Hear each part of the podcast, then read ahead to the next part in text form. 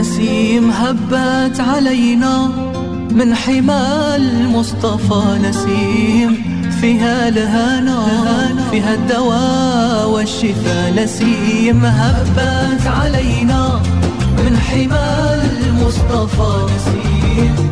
فيها الهنا فيها الدواء والشفاء. بشمها يصلح الظاهر لنا والخفايا بخت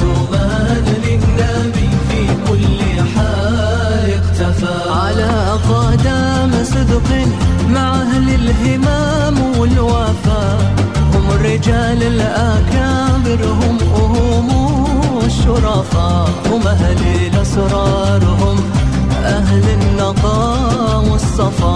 يا حارس جع فحالي بالنبي قد صفى الله الله الله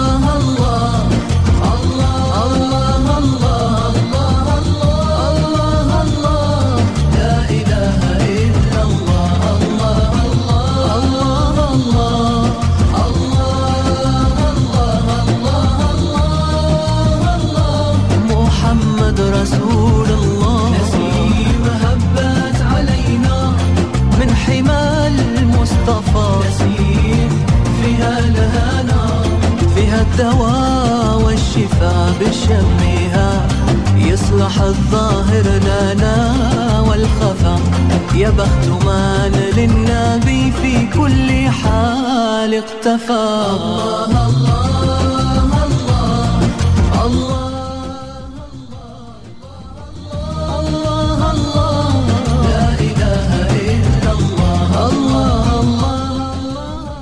Bismillahirrahmanirrahim. Assalamualaikum warahmatullahi wabarakatuh.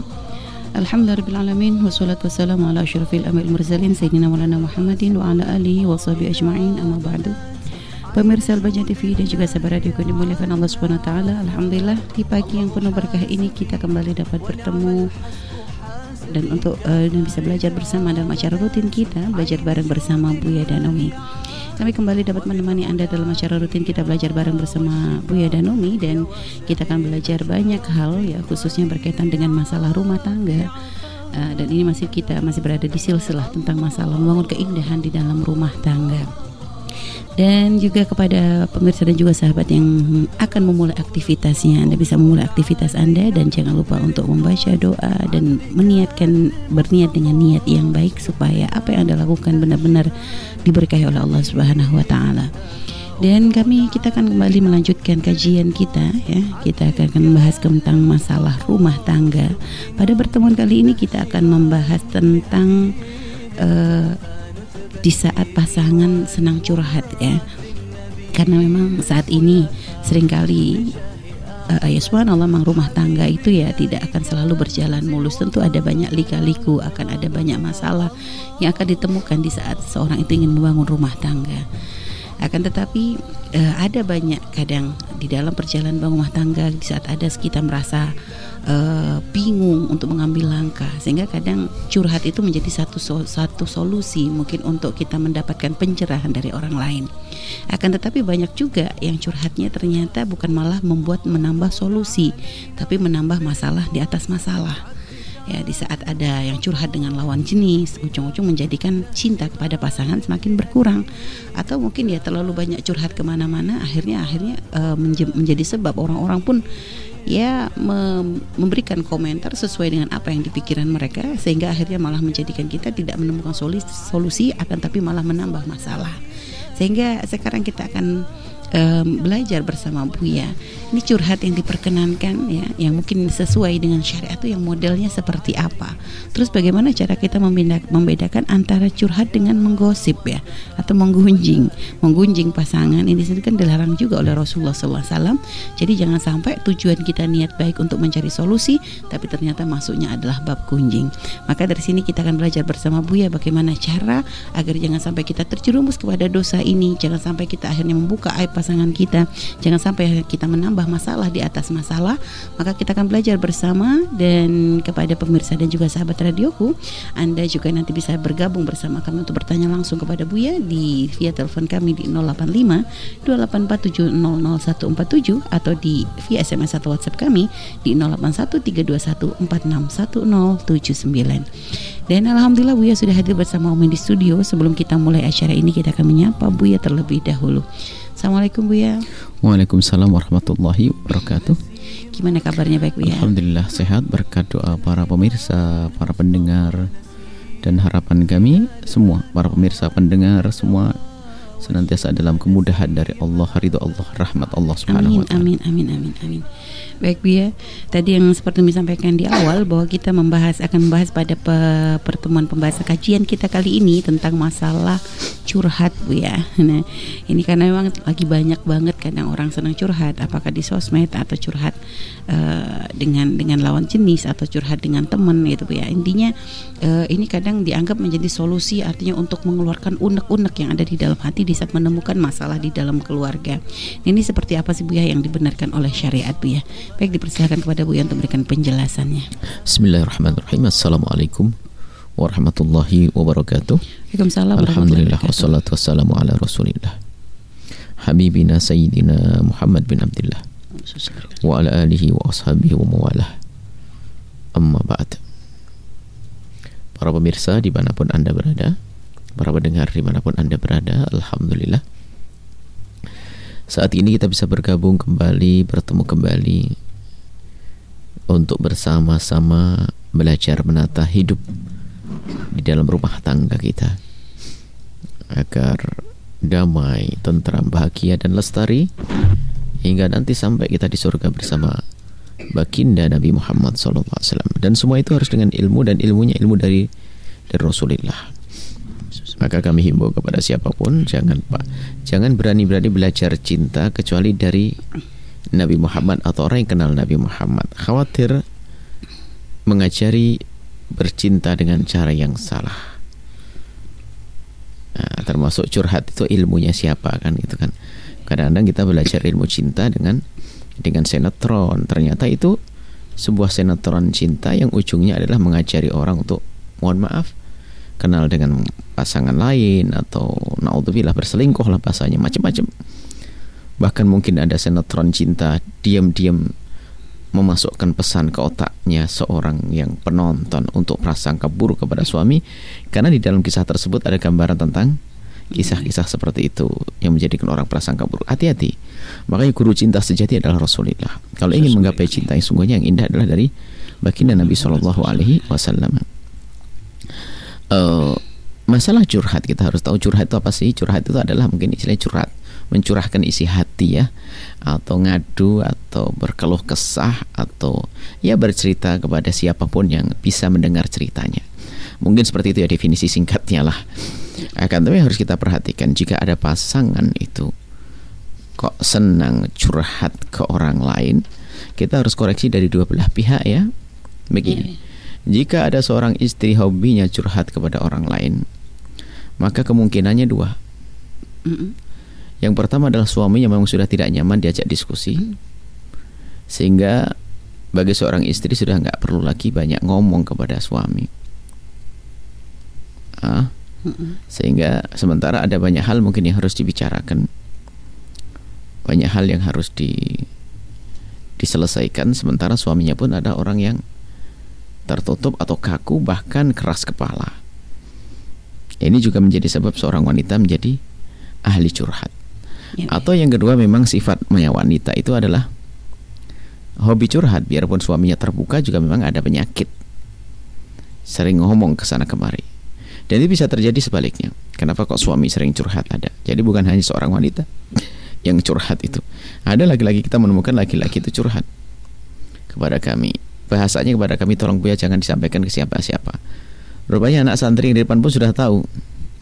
Nah, tak tahu, di depan lagi sudah ada tahu. Nah, ini memang model muka-muka cur curhat. itu. Maka yang perlu kita waspadai sekarang rambu-rambu curhat. Dan apakah curhat itu boleh atau tidak kan begitu? Ya, ya. Ketahuilah bahwa memang di dalam sebuah rumah tangga itu harus ada namanya masalah. Kalau ada rumah tangga tidak bermasalah, kayaknya lagi bermasalah dia tuh. Masalah itu adalah untuk untuk seperti irama dalam kehidupan itu. Sekecil apa pun tentu ada. Wong kita masih di dunia kok. Biarpun katanya orang soleh dan soleha, tentu ada sebuah permasalahan akan tapi karena mereka adalah soleh dan soleha, begitu mudah untuk menyelesaikannya. Karena Allah tentunya. Karena biasanya kalau orang soleh soleha itu tidak pernah mendahulukan egonya, kesombongannya. Kalau ada masalah melihat masalah sebagai sebuah permasalahan yang harus diselesaikan, bukan sebuah permasalahan untuk me- menghakimi pasangannya dengan sebuah uh, sebuah kesalahan atau uh, menstempel pasangannya dengan dengan satu satu model akhlak ya, kesalahan. Jadi kalau bermasalah, bahkan seorang yang soleh yang kenal Allah, kalau melihat pasangannya salah sekalipun, dia akan mengoreksi kepada dirinya sendiri. Mungkin dia memang dia bersalah pasanganku, akan tapi bisa jadi kesalahannya dia adalah karena aku. Akan begitu. Ini adalah upaya yang luar biasa dari seorang yang kenal Allah Subhanahu wa taala di dalam menyelesaikan permasalahan dalam rumah tangganya. Jadi tidak serta-merta menjadikan sebuah permasalahan masalah akan tapi untuk bahan evaluasi, koreksi untuk menjadi hidupnya lebih baik lagi. Baik, masalah uh, curhat. Ini tadi ada dua model ya antara orang yang memang pasangannya susah diajak diskusi atau memang dasar orangnya suka Suka curhat. suka curhat. Baik. Nah, kemudian nasihat pertama adalah kepada siapa pun kita itu harus uh, mencoba memahami pasangan kita untuk mengetahui kesenangannya. Uh, kesenangannya. Ada hal yang menjadikan diskusi itu terputus itu ada sebab. Uh, mungkin seorang suami yang yang menikah dengan seorang wanita yang mungkin ada punya kelebihan dalam banyak hal sehingga seorang suami itu mau membuka membuka diskusi itu yang ada adalah rasa takut merasa tidak selevel kan ada begitu Iya, seorang suami seorang istri adalah sarjana atau bahkan mungkin seorang doktor tiba-tiba menikah dengan seorang biasa saja kan mungkin sekali terjadi masih sehingga atau sebaliknya juga. Bu. Eh, atau sebaliknya seorang anggap saja tokoh ulama ketika dia atau orang dok profesor atau dokter menikah dengan seorang perempuan yang yang pendidikannya hanya tingkat SMP atau SMA misalnya. Nah, ini bisa jadi menjadi kesenjangan Eh, wawasan ini bisa menjadikan sebab pasangan tuh minder. Nah, minder untuk bisa bertanya. Kadang-kadang kalau bertemu dia diam, tak takut salah. Maka kami ingatkan tidak harus seperti itu. Dia profesor di luar, di dalam jadi istri suami.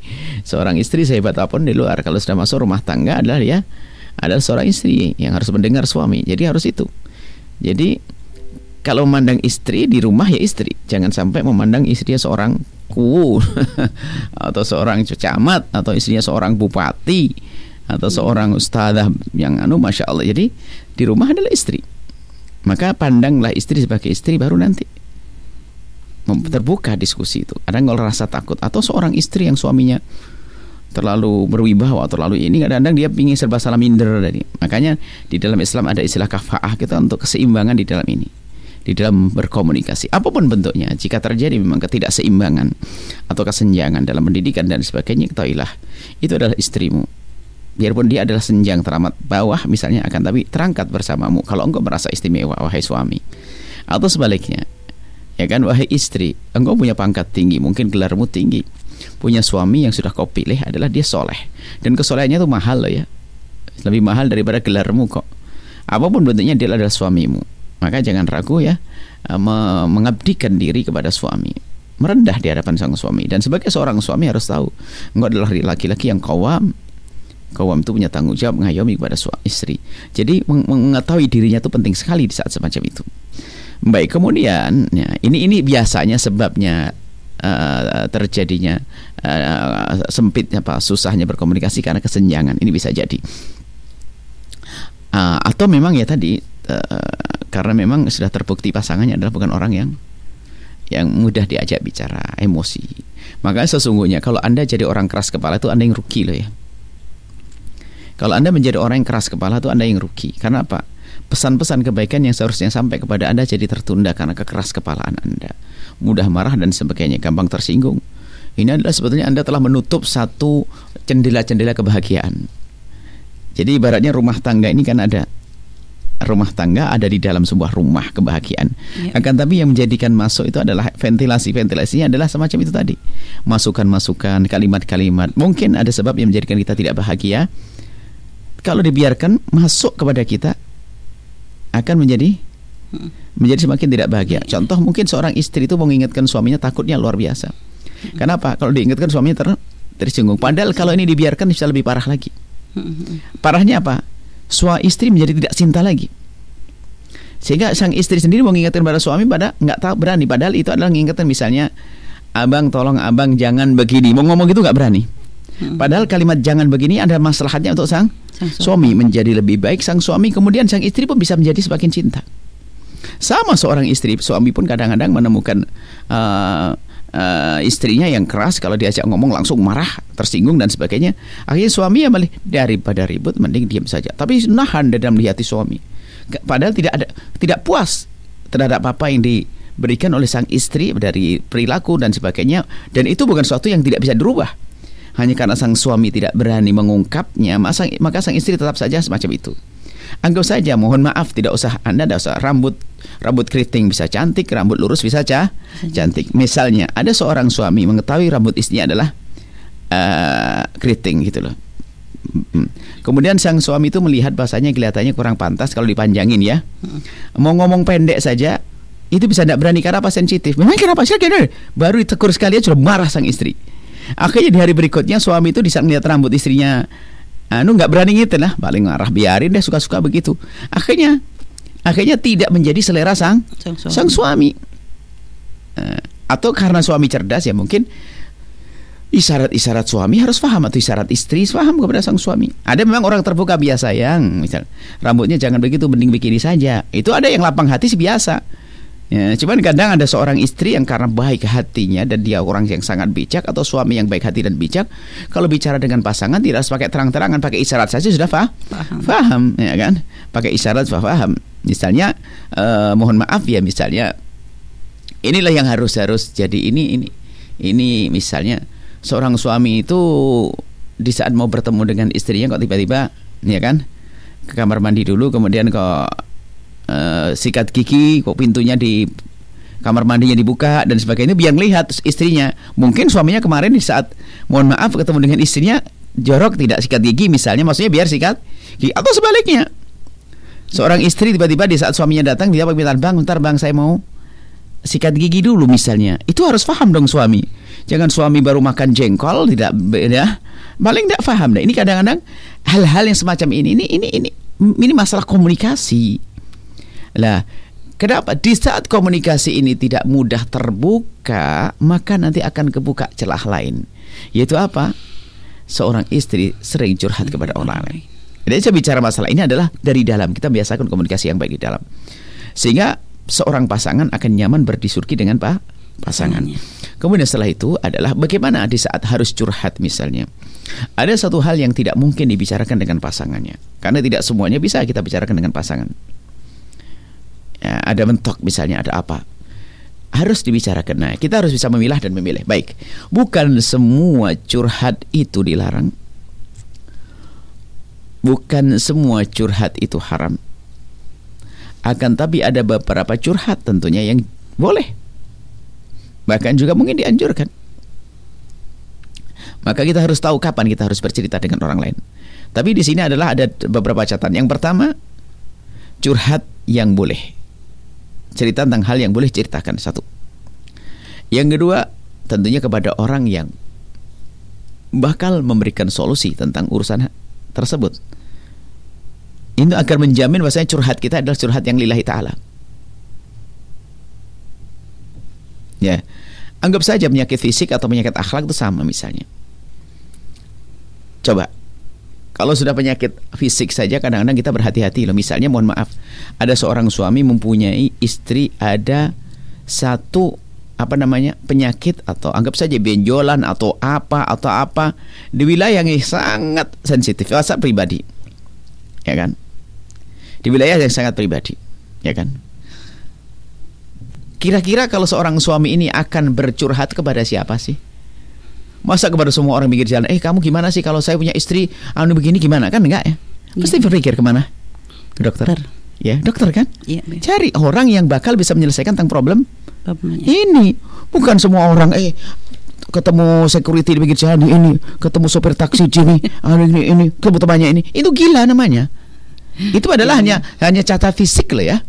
Bagian tentang akhlak, sama dong kasusnya akhlak. Dia milih dong kepada siapa saya akan curhat ini. Ini masalah pribadi, masalah urusan. Oh bicara tentang wah ada penjualan istri saya ada penjualan di wilayah ini sepi atau sih? Hei pak gimana pak punya pengalaman enggak? Pengalaman apa pak? Saya punya istri begini begini nih. Anda ini ngomongnya di mana? Lihat ada loh orang perempuan yang model begini. Set- Setiap ketemu orang cerita tentang suaminya. Sampai ini mukanya muka curhat. Temannya sudah tahu semua kalau dia pasti tahu curhat, curhat, curhat apa lagi nanti lihat tuh. Karena memang muka curhat, naudzubillah. Anda tidak boleh seperti itu. Kalau memang Anda harus bercerita, Anda harus pilih dulu. Kira-kira bisa enggak diceritakan ke orang secara syariat boleh enggak? Misalnya hu- hubungan sangat pribadi, misalnya naudzubillah, semoga Allah menjaga kita semua dari zina. Bahkan kalau seandainya suaminya melakukan sesuatu yang haram di matanya sendiri, tidak serta merta kok dia curhat dengan cara Pak apa Ustadz, suami saya telah melakukan zina juga enggak begitu kok. Akan tapi bisa saja kok menutup aibnya dengan begini, Ustadz, mohon maaf ini ada titip ada apa? Ada ada ada satu sahabat yang bertanya kepada saya, sahabat saya itu punya suami begini. Padahal suami dia, ya kan?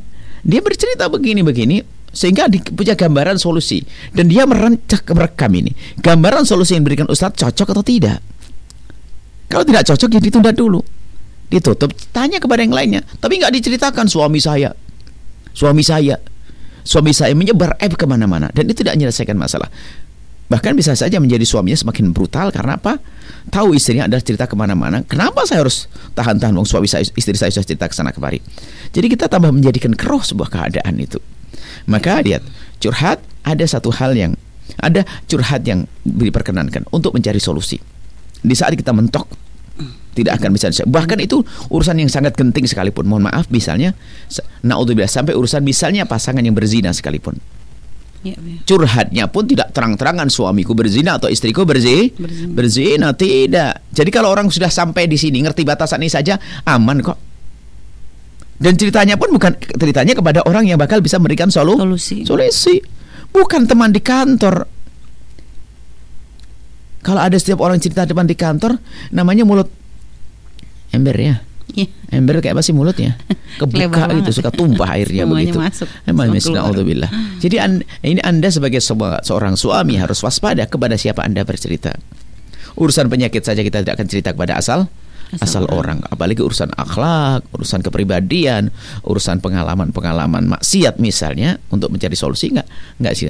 Jadi kalau kita simpulkan bahasanya orang yang gampang curhat itu adalah orang lemah hatinya. Dan orang itu bodoh. Langsung saja satu poin begitu. Mm-mm. Ya kayak tadi, istrinya punya permasalahan di wilayah mohon maaf bagian sangat pribadinya. Terus setiap orang dikasih tahu kita bodoh tidak tidak. Iya. Anda sendiri jijik melihat dia. Hah, gitu aja kok diceritain.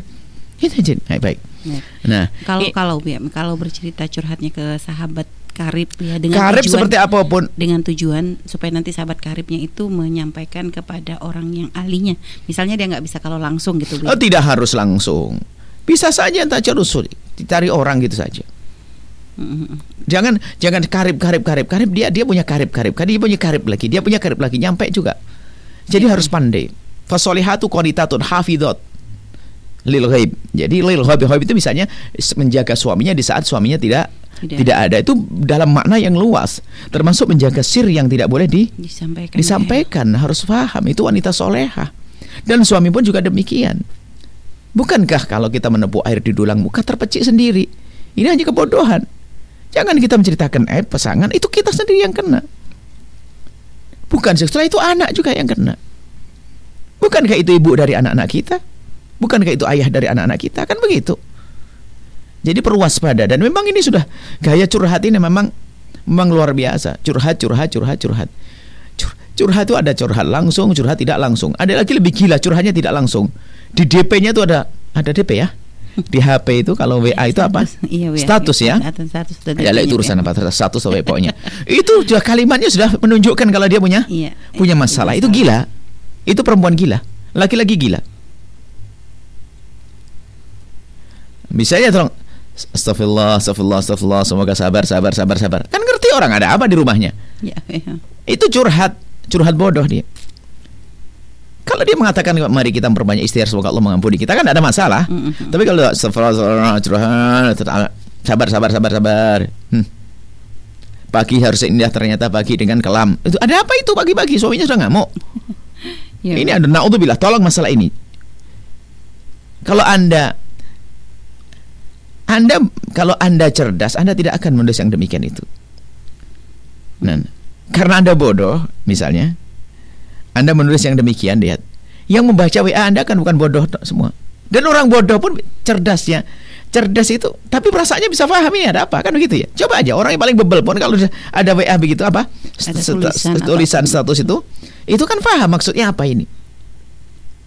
Nah ini.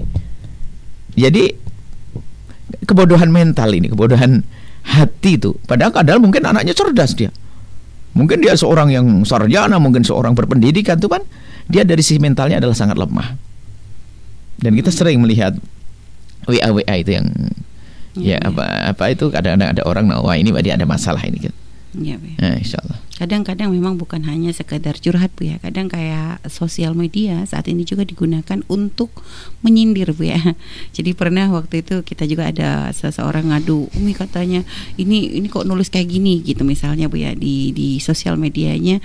Oh ini apa kayaknya apa dia tersinggung dengan saya atau seperti apa gitu tuh. Hal-hal seperti itu juga eh, itu bukan suatu hal yang diperkenankan Bu ya. Walaupun niat niatnya adalah tujuannya mengingatkan orang.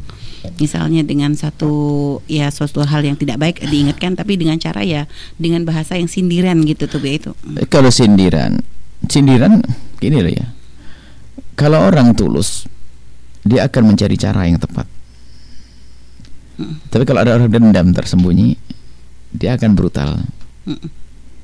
Kalau memang kita tulus, misalnya ada sahabat kita ada sebuah kesalahan, ya kan? Kalau kita tulus di dalam mengingatkannya, maka kita akan mengambil cara. Ya. Sekarang kalau halus sindiran, apakah yakin dia paham? Belum tentu Bu. Belum tentu dia paham. Ya kan? Mm. Maka kalau memang Anda punya maksud untuk mengingatkan dia ya, langsung saja kepada dia. Wong sahabat karib kok. Mm. Duduk empat mata dan itu lebih indah daripada harus di dibongkar di luar biarpun dengan bahasa sindiran. Bahkan mungkin yang jadi masalah betul tadi yang dimaksud tidak paham malah orang lain menduh Menduga. menduga-duga. Ini kan problem juga. Jadi Anda tuh punya tanggung jawab dalam menulis. Nah, baik. menulis itu punya tanggung jawab dan alhamdulillah kadang kita juga punya hati yang sudah biasa dengan prasangka buruk setiap orang akhirnya diprasangkai buruk. Baik. Kembali kepada masalah curhat. Nah, kemudian di saat seseorang itu ada sisi lain lagi. Kalau Anda dicurhati gimana kan begitu ya. Iya. anda ini harus amanat loh ya. Anda punya Allah. Ya. Jadi begini, kalau Anda bukan bagiannya, Anda tidak usah memberikan komentar. Misalnya, saya bukan seorang dokter. Ya kan? Biarpun saya punya pengalaman cerita tentang ilmu kedokteran, tidak boleh saya menceritakan. Hanya paling saya bisa mengarahkan saja. Misalnya Pak, ada orang Buya, saya jantung saya begini-begini, saya bawa rongsennya begini Buya. Apakah perlu saya nyalain lampu terus saya ngomong saya tidak ngerti lihat rongsen kok. Ya, ya kan? Ya kan aneh banget. Saya tidak bukan bayan saya. Tapi saya bisa ngomong cuman dulu pernah ada orang sakit jantung dibawa ke rumah sakit sana. Yang ngobati sana, kan begitu. Ini adalah urusan penyakit dohir lah ya. Penyakit batin maksiat juga bagaimana? Ada orang curhat kepada anda. Dia melakukan mohon maaf zina. Astagfirullahaladzim. Ya akhti. Kau berzina? Ya Allah. Sudahlah. Tuh. Cukup, cukup, cukup, cukup. Jangan cerita ke saya seterusnya. Saya bukan bagiannya. Sudah terlanjur cerita kan? Anda sudah terlanjur mendengar cerita, Anda harus berjanji untuk tidak menyampaikan. Ajak dia istighfar. Ayo tak antarkan ada satu tokoh yang bisa menyelesaikan masalahmu. Atau memang kalau kamu tidak bisa, saya akan coba tanya ke dia. Anda jembatani dulu. Anda yang dicurhati tadi jembatani dulu karena sudah terlanjur dicur Dicurhati. hati. Anda jembatani tanyakan kau saya seustad, seustad ada ndak solusinya? Kalau sudah ada solusinya, mungkin Anda panggil dia untuk bisa bertemu. Dengan serta merta Anda pertemukan. Jadi berjuang untuk memberikan solusi kepada orang itu juga luar biasa jihad. Ya, Kalau kita ya. melapangkan permasalahan seseorang, Allah akan lapangkan urusan kita. Ya. Jadi semacam itu. Jadi kalau anda bukan bagiannya, anda jangan diam mengiyakan. Kadang, cuman anda penyakit. Orang itu di mana pun, siapa pun, biarpun orang paling, bodoh pengen dianggap pin, Pintar. biarpun orang biasa pengen dianggap punya istimewaan. Jadi kalau sudah dicurhati sudah langsung pede itu. Anginnya naik ke dada langsung. Oh, oh gitu. Hmm. Akhirnya sok ngasih pengarahan. Ya, sesuai dengan ilmunya. Nah, kemudian uh, yang curhat yang sangat perlu diwaspadai adalah bukan saja orang yang tidak ahlinya, bahkan yang ahlinya sendiri pun ada rambu-rambu. Mm. Contohnya adalah uh, lawan jenis yang yang bisa masuk wilayah nanti tiba-tiba muncul sesuatu yang Yang berbeda. Yang tidak baik, Tidak ya. baik. lawan jenis, Mm. apalagi teman sekolah dulu. Kalau kita ber kalau kita berdiskusi kepada lawan jenis ya. Bukan tentang permasalahan suami atau pasangan kita masih masuk akal. Teman sekolah misalnya. Urusannya urusan apa? Urusan bisnis ya kan? Ya. saya punya urusan bisnis. Tak taunya lagi bermasalah. Tak taunya saya punya kawan perempuan yang Ahli. sukses dalam urusan bis Bisnis. saya sah saja tapi kalau saya punya urusan bisnis apa? Urusan rumah, Rumah tangga, kemudian teman saya sekolah kebetulan dia janda misalnya. Mm-mm. ya kan? Atau duda. atau duda misalnya. Ya kan? Mm. bahkan di saat dia punya pasangan pun bisa saja rusak hatinya. Iya, iya. karena apa? Itulah setiap orang kadang-kadang pengen sok jadi pahlawan. Iya, iya. kemudian menikmati seolah-olah ini. Bahkan harapannya adalah wah nanti saya bisa menyelesaikan ini ini ini. Hati-hati. Kadang curhatnya tidak mikir sehingga alangkah banyaknya gara-gara curhat terjerumus dalam kehinaan Iya, curhat-curhat anda harus pandai dong hafidhah itu seperti apa wanita yang menjaga dirinya menjaga kemuliaannya tahu kapan harus berbicara dan dengan siapa berbicara dan buahnya apa setelah saya berbicara dengan dia itu iya. dan ingat hati itu kalau sudah kotor susah dibersihkannya. Membersihkan hati kalau sudah naudzubillah. Yang banyak selama ini adalah kita dengar adalah masalah gara-gara reuni.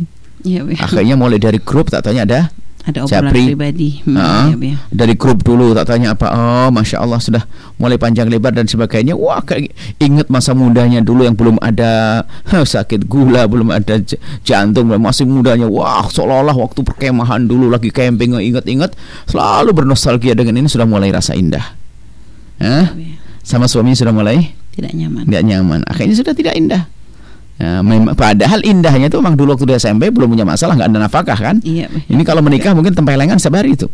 itu adalah syaitan yang bisikan, nggak boleh hati-hati urusan. Bahkan naudzubillah semoga Allah menjaga kita semuanya. Ini urusan masalah-masalah aja istilah istilah cinta lama bersemi kembali atau apa itu naudzubillah. itu adalah Iya, iya. kebusukan-kebusukan yang berbahaya sekali. Kalau memang sama-sama misalnya layak mungkin dan menikah lain cerita.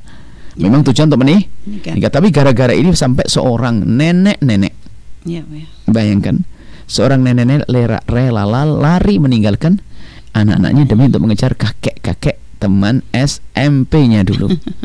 Allah, Masya Allah. subhanallah. Dan itu adalah kehinaan. Itu gara-gara apa? Curhat yang salah. Ya, Waspadalah wahai para wanita. Baik, iya. Khususnya jika ada yang punya masalah pribadi, kami sampaikan dari mimbar mulia ini. Semoga Anda dijaga oleh Allah. Kehormatan Anda dijaga oleh Allah. Amin. Jika Anda menemukan orang-orang yang punya masalah yang sangat pribadi, misalnya urusan dengan orang dosa kepada Allah, zina dan sebagainya dan sebagainya, ini paling bahaya kalau curhat dengan orang yang salah. Maka ayo kalau memang Anda dekat dengan kami, kita bisa diskusi masalah ini. Ya. Bawa anak tersebut, orang tersebut, kita perlu tolong, menolong orang semacam itu. Jangan sampai salah curhat atau malah menjadi Musibah. menjadi korban musibah. Nah. Baik, Bu. ya. Semoga Buya terima kasih Buya atas penjelasannya tentang masalah curhat tadi ya dan juga pemirsa dan sahabat radioku. Anda bisa bergabung bersama kami untuk bertanya langsung kepada Buya dengan tema yang berkaitan dengan tema kita kali ini khususnya ya yaitu tentang masalah curhat dan Anda bisa bergabung di via telepon di 085 2847 00147 dan atau bisa bergabung bersama via SMS atau WhatsApp kami di 081321461079. Baik, kita akan jeda terlebih dahulu dan kami akan kembali setelah yang berikut ini. نسيم هبت علينا من حمى المصطفى نسيم فيها الهنا فيها الدواء والشفاء نسيم هبت علينا من حمى المصطفى نسيم فيها الهنا فيها الدواء والشفاء بشمها يصلح الظاهر لنا والخفايا بخت من للنبي في كل حال اختفى. على قدم صدق مع أهل الهمام والوفاء هم الرجال الأكابر هم هم الشرفاء هم أهل الأسرار هم أهل النقاء والصفا. يا حادث جع فحالي بالنبي قد صفى Dipancarluaskan dari Lembaga Pengembangan Dakwah Al-Baca Sendang Sumber dan Anda masih bersama kami dalam acara belajar bareng bersama Buya dan Umi. Dan tema kita kali ini tentang masalah curhat ya. Dan tadi uh, sudah ada beberapa pertanyaan yang sudah kita jawab ya. Dari sahabat yang bergabung melalui via WhatsApp atau Facebook ya. Dan sekarang kita akan bacakan kembali pertanyaan yang sudah bergabung melalui via WhatsApp ya. Assalamualaikum warahmatullahi wabarakatuh. Assalamualaikum warahmatullahi wabarakatuh Sallu ala Nabi Muhammad. Sallallahu alaihi Bu ya Ini pertanyaan dari hamba Allah. Jika ada seorang istri Selalu mengingatkan suaminya tentang kewajibannya atau kesalahannya. Tapi sang suami malah tidak merespon uh, suami malah tidak merespon tidak baik dengan membentak. Uh, tapi suami malah merespon dengan tidak baik. Yaitu dengan cara membentak dan marah baik uh, baik mengingatkannya tuh dengan cara lembut ataupun kasar bu ya istri pun mengalah tapi saat istri diem dengan membiarkannya ia pun marah juga bu ya sulit untuk memahami suami itu bagaimana bu ya seorang istri harus menanggapi suami yang seperti itu bu ya hmm, baik sebetulnya ya kita amati suami anda adalah orang yang rindu untuk diajak uh, untuk diingatkan. Hanya mungkin yang perlu kita perhatikan adalah cara mengingatkan. Baik. Jadi begini.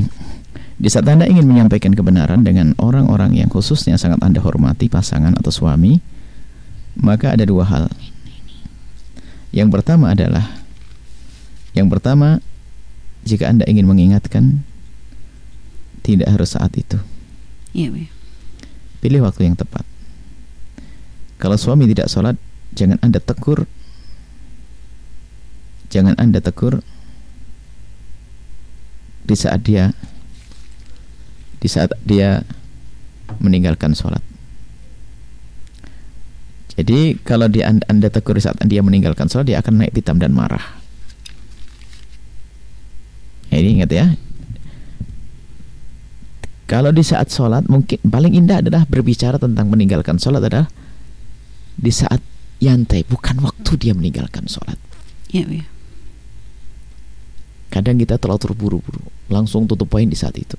Yang ada adalah marah. Walaupun dengan bahasa baik, Bu ya. Bahasa baik bahkan bisa menjadi dia emosi. Nggak sholat-sholatan, kenapa sih?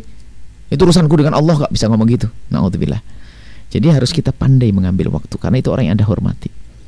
Mungkin di saat anda makan bersama lagi enak asik dan sebagainya, atau tiba-tiba uh, bercerita dengan yang lain atau mungkin uh, dengan bahasa minta nasihat kepada suami ya semoga lah kita bisa menjaga. Atau di, tidak ada orang orang rajin sholat kita bisa mengadakan tambang doainnya semoga kita bisa rajin sholat. Semoga kita bisa istiqomah dalam sholat. Jadi seperti itu jangan langsung di langsung di, ditembak begitu di waktu melaku, tidak melakukan sholat. Itu semua pelanggaran. Jadi kebenaran tidak harus anda ucapkan saat itu. Tidak harus anda ucapkan saat itu. Yang pertama. Yang kedua artinya tidak harus anda ucapkan saat itu anda bisa memilih waktu yang tepat anda bisa memilih waktu yang tepat ya. Kemudian yang kedua adalah yang kedua adalah kebenaran tidak harus diucapkan oleh lidah Anda sendiri. Karena Anda sebagai bawahan. Anda seorang bukan bawahan maksudnya Anda seorang istri. Dia adalah imam Anda. Nah, artinya mungkin Anda bisa minta tolong kepada orang yang sangat dihormati oleh dia dengan catatan tanpa ada kesan Anda mengadu kepada beliau yang menjadi sebab dia semakin tersinggung nanti. anda bisa sampaikan kepada ustadznya dan sebagainya. Kalaupun tidak, lah ini coba. Tidak sampaikan orang lain, Anda membuat surat. Ya, jadi Anda membuat surat yang indah, yang isinya tentu ada rayuan, kalimat yang baik dan sebagainya. Anda sanjung dia adalah engkau adalah imamku, engkau adalah engkau adalah imamku, engkau adalah orang yang harus saya muliakan, pengayomku dan terus sanjung sanjung sanjung. Maka dari itu wahai suamiku mohon maaf kalau saya ingin menyampaikan ini karena cintaku kepadamu. Bahasanya masalah sholat, masalah ini sampaikan dengan cara yang halus dan mungkin saya tidak tahu, mungkin abang juga sudah sholat, cuman saya tidak tidak tahu. tidak tahu. Akan tapi abang kita ingin hidup bahagia di dunia akhirat bang ya. Kalau ternyata memang saya salah maafin saya. Kalau ternyata betul abang tidak sholat, ayo bang kita sama-sama sholat. Anda berikan sholat itu di saat anda tidak ada di situ. Kalaupun marah Anda tidak ada. Ya, ya. Tapi bahasa Anda lembut dan penuh kasih, dia akan baca berulang-ulang. Ya kan? Ya. Setelah sampai di rumah nggak usah tanya, sudah dibaca suratnya nggak usah. Ya. Sudah, sudah nggak usah. Anda kan bisa melihat tanda-tanda sudah amplopnya dirobek dan sebagainya itu kan sudah dibaca selesai sudah. Kadang kita terlalu terus baca enggak, paham enggak? Nah, ini sama aja ini. Ya, Jadi ya. perlu main cantik sekali, baik. Ya, ya, itu di antara ya. caranya ya. Nah, Ya, ya. Anda sudah mengatakan dengan cara halus dan cara kasar berarti sudah Anda coba semuanya. Ini Kasarnya itu menjadi orang nggak enak. baik. Semoga Allah mudahkan kita dalam mengingatkan pasangan Baik, kita. Semangat. Terima kasih, Bu ya. Baik, Bu ya. Eh, ada pertanyaan dari hamba Allah di Jakarta, Bu ya. Assalamualaikum warahmatullahi wabarakatuh. Warahmatullahi wabarakatuh. Bu ya, di TV ada acara pengobatan seorang ustadz yang kalau saya lihat itu seperti curhat begitu, Bu ya. Di situ sang ustadz bertanya kepada pasien, seperti apakah pernah memiliki kebencian atau pernah melakukan perdukunan. Intinya, sang pasien harus ada pengakuan seperti itu. Setelah itu baru si pasien itu harus menyesal dan bertobat. Selanjutnya, sang ustadz berdoa dan diaminkan oleh penonton atau jamaah. Hal seperti itu apakah memang dibolehkan secara syariat Bu ya? Soalnya kan ditonton masyarakat banyak dan soalnya ditayangkan di TV nasional. Dan apakah hukumnya nonton acara itu juga Bu ya? Mohon. Sebetulnya begini, Anda itu manusia kok. Memang gaya, mohon maaf, ada gaya. Saya tidak tahu siapa, mohon maaf ya, kita tidak membawa siapa-siapa ya. Eh, ada sebuah cara untuk menarik perhatian orang dan sebagainya, seolah-olah benar tahu. Mungkin gayanya, biarpun tidak peramal, seolah seorang pernah Peramal. apa soal tahu dan sebagainya. Sekarang gini, kalau anda ditanya, anda pernah punya kebencian, siapa yang bilang tidak? Pasti punya Siapa? Coba. Ini maksudnya apa ini semuanya? Kalau ditanya anda pernah punya dosa? Ya pasti, ya. lah punya lah. Ayo istighfar. Apa artinya dari itu semuanya? Misalnya, istighfar memang iya, cuman kita perlu kita perlu ya ini kan bahasa bahasa bahasa kalau dalam dunia dunia eh, kayak kalau dukun itu mereka-reka begitu. Kalau ini kan sangat jelas. Anda pernah punya kebencian? Coba cari. Ya benci. Ya pernah waktu di, SD, waktu di sekolah dulu buku saya diambil sama orang. Dia benci. Siapa dari kita nggak punya benci? Wong kita Iya. manusia kan ada hawa nafsu di kita. Eh, jadi ya ya kita perlu yang yang yang seperti pendidikan dari baginda Nabi Sallallahu Alaihi Wasallam bagaimana ayo berakhlak yang mulia. Bahkan sudah ada di dalam hati kita tuh kebencian potensi benci potensi dendam potensi marah itu ada semuanya. Oh nggak ada namanya hawa nafsu kok. Bu ya. Eh, jadi ya memang menarik kayak bener ya. Betul ya? Mana benci? punya benci punya benci? Iya. iya dong siapa nggak punya benci? Biarpun orang katanya paling baik hatinya pun pernah punya kisah benci, ya. kebencian pernah marah dan sebagainya. Cuman ya, kalau makanya Imam Ghazali rahimahullah dan berangkat dari kita punya kesalahan punya kekotoran. Ya. baru kita merenungi dan kita lawan. Kalau dosa istighfar baginda Nabi aja istighfar. Baginda Nabi tidak akan punya salah tapi istighfar Maksudnya kita pengen acara-acara. Saya tidak tahu, mohon maaf ya, jangan sampai dihubung-hubungkan dengan Hmm, tokoh. iya, iya. Anda, saya, saya, saya tidak pernah nonton televisi sebabnya. Anda kalau ingin nonton televisi yang membangun akhlak Anda, ya kan, menjadikan Anda semakin takut kepada Allah Subhanahu wa taala. Itu membangun akhlak terpenting bagaimana kita menjadi baik dengan ibunda kita, saudara kita, ayahanda kita, kemudian saudara kita. Kemudian semakin baik kepada Allah rasa takut melakukan dosa. Mohon maaf ini jangan sampai dihubungkan dengan ustadz-ustadz ini saya memang. Gaya-gaya seperti itu kita tidak pengen tidak pengen kita itu sia-sia di dalam belajar itu ya. Ya. Iya, meng- meng- menyisihkan waktu nonton acara juga tidak banyak ya banyak artinya. Sekarang kalau Anda mendengar misalnya, saya berbuat semacam itu. Apa manfaatnya buat Anda? Iya, ya. ya kan? Manfaatnya buat anda apa? Jadi eh, kita pengen bahwasanya di saat kita belajar ilmu yang betul membangun hati, Iya. mendamaikan, tidak menjadikan orang bermusuhan, tidak buka aibnya seseorang, tidak mencaci seseorang, tidak merendahkan seseorang seperti itu. Iya, ya. iya. Kemudian setelah itu kita akan berbenah masing-masing ke rumah. Pulang ke rumah masing-masing di rumah masing berbenah agar kita menjalin hubungan daripada Allah, keluarga, anak, tetangga, bahkan menyikapi kita dengan musuh pun seperti apa? Kita tata hati kita. Iya. Itulah tarbiyat, pendidikan, tazkiyatun nufus, tadhirul qulub, tasawuf, membersihkan hati. Allah alam bisawab. Baik, Bu ya. Subhanallah, terima kasih Bu ya. Dan subhanallah satu pertanyaan eh, baik sudah ada pertanyaan yang sudah bergabung melalui via telepon Bu ya. Kita angkat dulu. Halo, Assalamualaikum. Assalamualaikum warahmatullahi wabarakatuh. Baik, dengan siapa di mana? Yadlum yang dimuliakan Allah. Ah, baik, salawat kita bersolat terlebih dahulu, Bapak. Begini Bu ya. Eh, ada pertanyaan tapi ada ini Pak eh, apa enggak mungkin dua teman apa apa ya. Sila- Silakan. Hmm, silakan. Begini jadi masalah pernikahan ya. Kebetulan baru-baru ini di kampung saya itu ada yang orang menikah yaitu janda sama duda.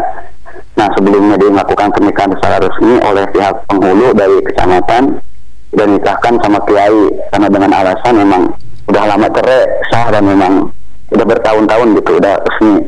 Tapi ketika naib bertanya diulang dinikah ulang katanya ya karena emang surat cerainya itu dari pengadilan baru keluar tiga bulan kemarin. Nah masa idahnya itu dihitung setelah eh, keluarnya surat cerai tersebut dari pengadilan. Jadi apakah dibenarkan untuk tadi nikah itu ya atau kalau misalkan tidak seperti apa solusinya? Sementara kiai emang menikahkan secara pandangan hukuman agama aja gitu.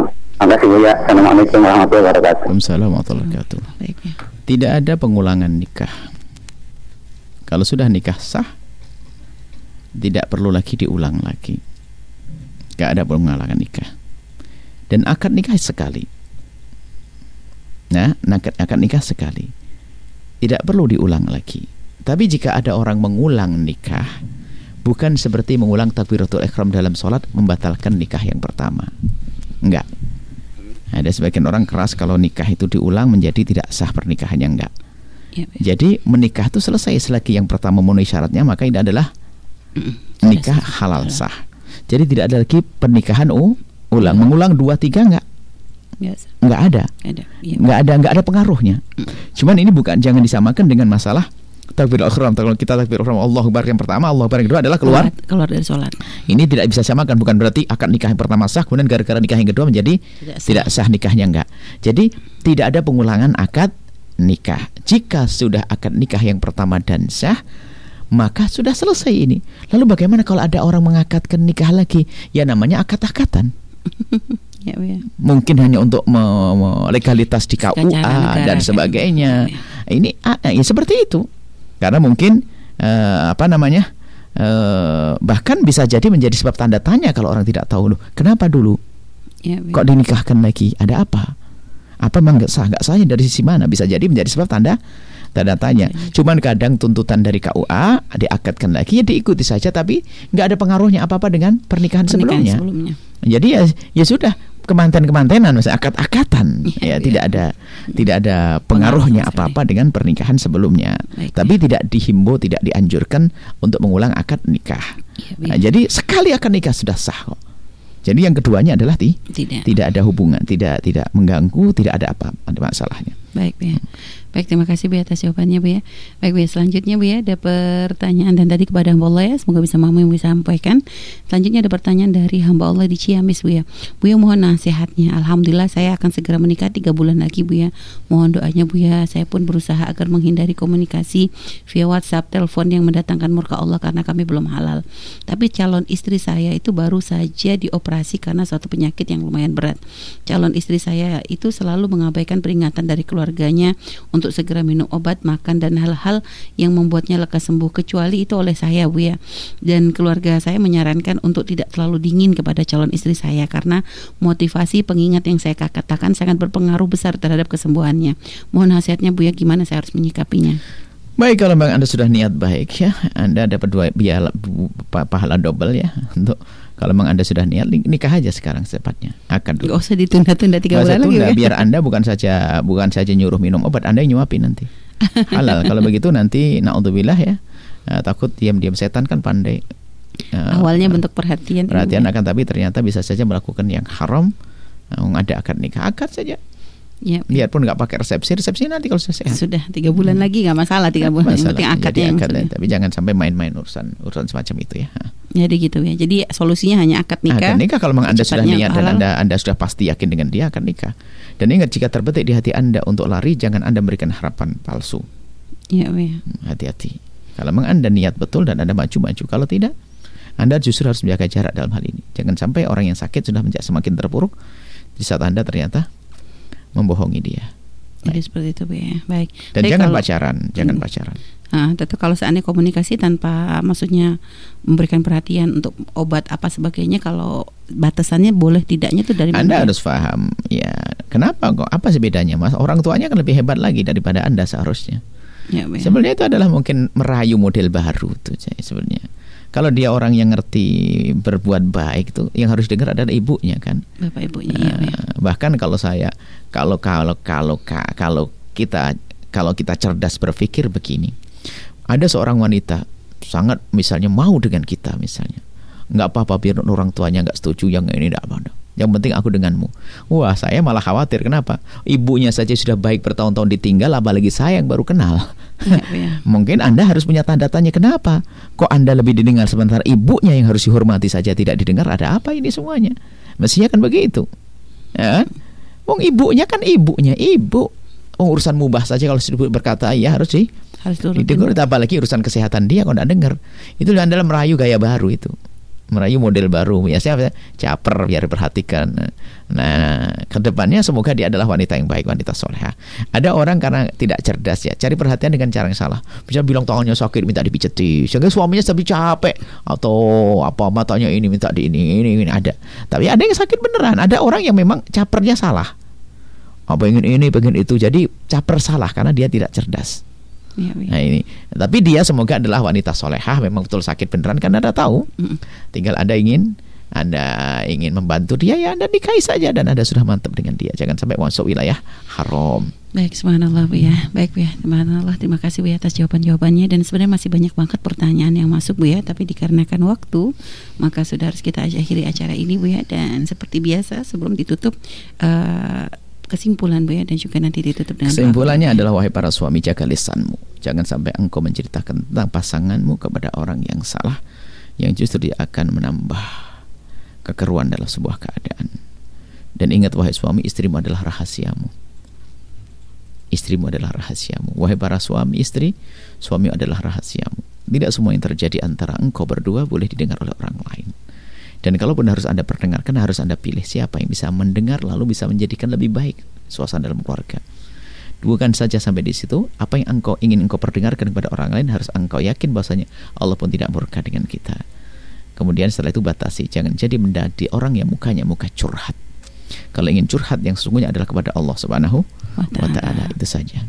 Baik, biasa akan ditutup dengan doa Bu ya. Bismillahirrahmanirrahim. Alhamdulillah. Allahumma salli ala sayyidina Muhammad wa ala sayyidina Muhammad. Allahumma ya Allah. Ya Allah, ya Allah, ya Allah, jaga hati kami, jaga keluarga kami. Wujudkan keindahan dalam rumah tangga kami. Keluarga suami istri yang saling mencintai karenamu ya Allah. Dengan anak yang soleh-soleh. Dibanggakan kasih. Ya Allah, ya Allah jadikan kami, ya Allah, pasangan yang tidak mudah menuntut kepada pasangan. Yang mudah mensyukuri kebaikan pasangan.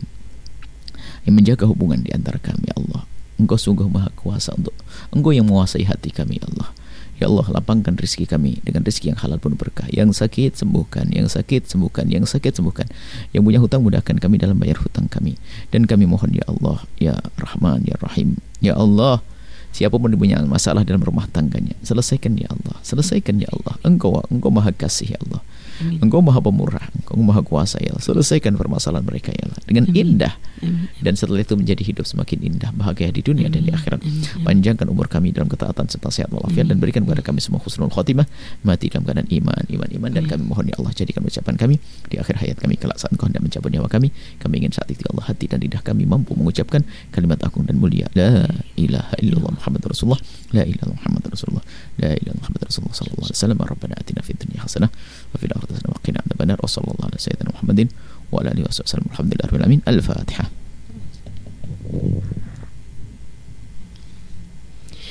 Baik Bu, terima kasih Bu atas penjelasannya dan atas ilmu yang sudah dibagikan kepada kita semua. Dan semoga yang Buya sampaikan tadi ya eh, akan membawa manfaat untuk kita di dunia dan di akhirat. Dan ingat tadi pesan Buya sahabat, kepuasan dalam bersahabat adalah di saat engkau bisa membatasi tuntutanmu, keindahan dalam bersahabat adalah di saat engkau bisa menghargai pengorbanannya, lestarinya sebuah jalinan adalah sebab cinta yang tumbuh karena Allah, damainya hidup adalah karena kelapangan hatimu dalam memberi maaf dan penawar kekecewaan adalah permohonan maaf yang engkau persembahkan.